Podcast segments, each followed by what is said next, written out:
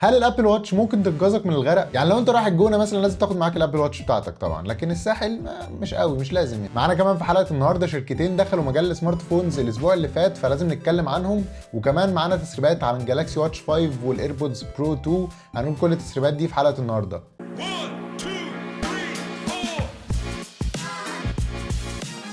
أهلا بيك في سكريبتو بودكاست أول بودكاست مصري بيلخص لك كل أخبار ال tech في كبسولة سريعة 10 دقائق ربع ساعة تقدر تسمعها في أي مكان وفي أي منصة صوتية سواء كانت Spotify أنغامي Deezer Google Podcast Apple Podcast SoundCloud أو حتى Podeo. ولو حابب تشوفنا في البودكاست بينزل متصور فيديو على ال channel بتاعتنا على اليوتيوب. تقدر تعمل لنا follow أو subscribe على أي منصة من المنصات دي. ويلا بينا نبدأ في كبسولة النهارده. بس لازم نسخن الأول كده بالفقرة المعتادة بتاع كل يوم حدث في مثل هذا اليوم في عالم ال tech. الأسبوع ده كان فيهم حدثين مهمين جدا وجهازين فعلا غيروا مسار البشرية. أول حدث كان يوم 1 يوليو سنة 79 أول Walkman من سوني تم إصداره. تم إصداره الأول في اليابان وبعدها بسنة تم إصداره في أمريكا واكتسح الدنيا وفعلا غير. إزاي أنت بتسمع المزيكا في العالم كله؟ تاني حدث معانا وهو يوم 29 يونيو سنة 2007 تم إصدار أول آيفون. الموبايل اللي فعلا غير كلمة phone ل smart phone كان هو الآيفون اللي انتشر بشكل كبير جدا. ستيف جوبز كان قايل إن هو عايز يبيع خلال السنة واحد مليون نسخة من الآيفون ولكن ده حصل في أقل من 3 شهور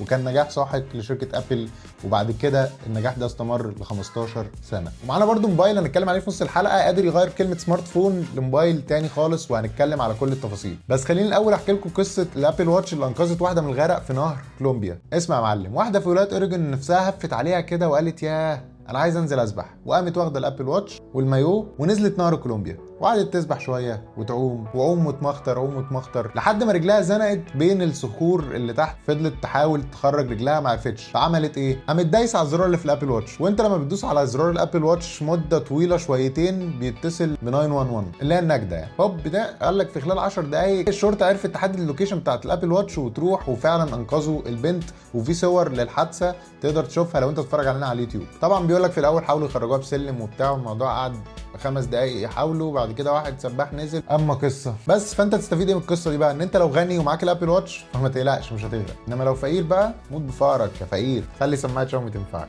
إنما أنت برضو لو غني وقاعد في مصر ومعاك ال Apple Watch فأنت هتقعد لسه هتغرق وبتاع. لا بص اطلع على كوبري الساحل الجديد. بص اتخلص لا Apple Watch بقى هتنفعك ولا أي حاجة. طب خلينا دلوقتي بقى نتكلم عن الشركتين الجداد اللي داخلين عالم ال smart phone ومش عارف ليه الناس بقت تكسل آه، إنهم يختاروا اسم شركة كويس اللي هو Кирова إحنا لسه هنفتح شركة ومجهود وبتاع فاختار أي اسم. الشركات بقت تسمي أي حاجة حرفيا أي حاجة. شركة اسمها nothing يا جماعة. أنا كنت قاعد مع واحد فبقول له شفت ال smart phone الجديد اللي أنا كنت منزله على ال page فقال لي smart phone إيه ده؟ فقلت له nothing. قال لي أيوه يعني موبايل إيه ده؟ قلت له nothing. لسه ما اتقابلناش. ثانية كده استوعبت إن هو مش معايا الخط فقلت له آه الشركة اسمها nothing ومنزله موبايل Nothing Phone وده مش إفيه يا جماعة بجد والله مش بحاول أهزر. ده, ده حصل فعلا. مش عارف ليه سابوا كل الأسامي في العالم وسموها nothing. لو مش مصدقين إن في استسهال وفي سربعه في اختيار الأسامي فأنت عندك الشركة الثانية اسمها OSOM. اسمها OSOM. O S O M.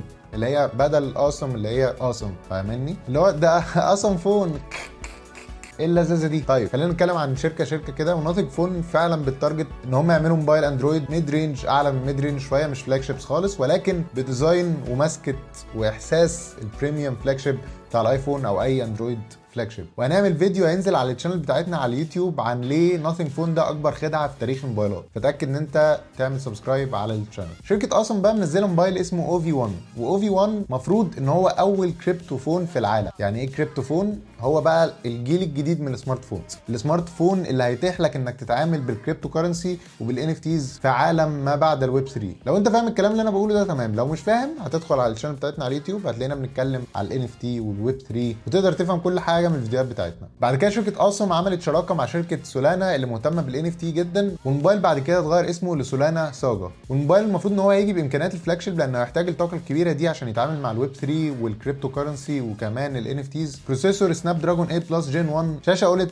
6.7 من 10 12 جيجا بايت RAM وكمان 512 جيجا بايت storage الموبايل سعره المبدئي هيكون 1000 دولار ولسه هنشوف إذا كان في نسخ تانية هتكون متاحة ولا لأ. نيجي بقى لتسريبات ال AirPods Pro 2 اللي المفروض نشوفها مع الايفون 14 في شهر 9 اللي جاي وال AirPods Pro 2 مش هتيجي بتغييرات كبيرة جدا من ناحية ال design الحاجة الوحيدة المختلفة في ال design هي ال case هيكون فيها سماعات خارجية عشان بعد كده لما تشغل خاصية Find My تقدر السماعات دي تديك صوت عشان تقدر تشوف ال case بتاعت السماعات موجودة فين بالظبط. ميزة كويسة جدا الصراحة خصوصا إن ال case أو السماعات بتضيع كتير ومفيش أي طريقة إنك تقدر تلاقيها. في تغييرات كويسة جدا من ناحية ال hardware لأن ابل في ال AirPods Pro 2 هتدعم ال ALAC أو ال Apple lossless audio playback هتدعم ان انت تشغل audio بعد كده من غير ما تخسر اي quality وده بفضل LC3 codec اللي بيستخدموه لانهم بالفعل حطوا شريحة بتدعم بلوتوث 5.2 ده تطور كبير في ال hardware بالنسبة للجيل الأول اللي كان في 2019 لسه مش معروف إذا كانت السماعات هتيجي من منفذ USB-C ولا Lightning لأن خلاص ابل في خلال سنة أو اتنين هتلغي ال Lightning تماما.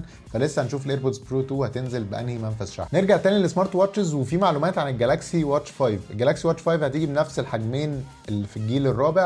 هما ال 40 ملم وال 44 ملم والحجمين سعرهم هيزيد من 30 ل 50 دولار تقريبا عشان الحجم ال 40 يبدأ من سعر 300 دولار والحجم ال 44 مللي هيبدأ من 350 دولار. طبعا الساعات اللي فيها خاصيه ال LTE وتقدر توصلها بشريحة وتستخدمها كموبايل دي بتزيد 50 دولار فهيبقوا 350 و400 دولار بدل 300 و350 في كمان نسخة ال Galaxy Watch 5 Pro ودي هتكون متاحة من أول 500 دولار والنسخة ال LTE 550 دولار. ال Watch 5 Pro هتيجي بخامات تيتانيوم وهتكون متاحة باللون الأسود بس. أما ال Watch 5 العاديه هتكون متاحة بال gold وال silver وال gray. النسخة الأكبر ال 44 ملم هتيجي بنفس الألوان ما عدا إن هيستبدلوا ال gold بالأزرق عشان هتكون مخصصة للشباب أكتر. على ذكر الساعات جوجل لما أصدرت ال Wear OS 3 من سنة مفيش ولا ساعة غير ال Galaxy Watch 4 هي بس اللي استخدمت ال system ده. لكن دلوقتي إحنا بنسمع أخبار عن Montblanc Summit 3 watch اللي هتنزل قريب بال Wear OS 3 أول ساعة تستخدم ال Wear OS من ساعة ال Galaxy Watch 4 وهتكون بتستخدم شريحة Snapdragon Wear 4100 Plus وهتيجي برضو بنفس الخامات التيتانيوم زي ال Galaxy Watch 5 Pro ولكن بالألوان الأسود وال gray الساعة هتيجي بحجم 42 ملم وهتكون مصنوعة من التيتانيوم وهتكون متاح لل straps اثنين options المطاط والجلد. الساعة هتكون متاحة يوم 15 يوليو وهتبدأ من سعر 1300 دولار. سعر غالي شوية ولكن ال brand بتاع Montblanc اسم كبير في عالم الساعات نيجي لآخر خبر النهارده معانا في البودكاست وهو خبر الصراحه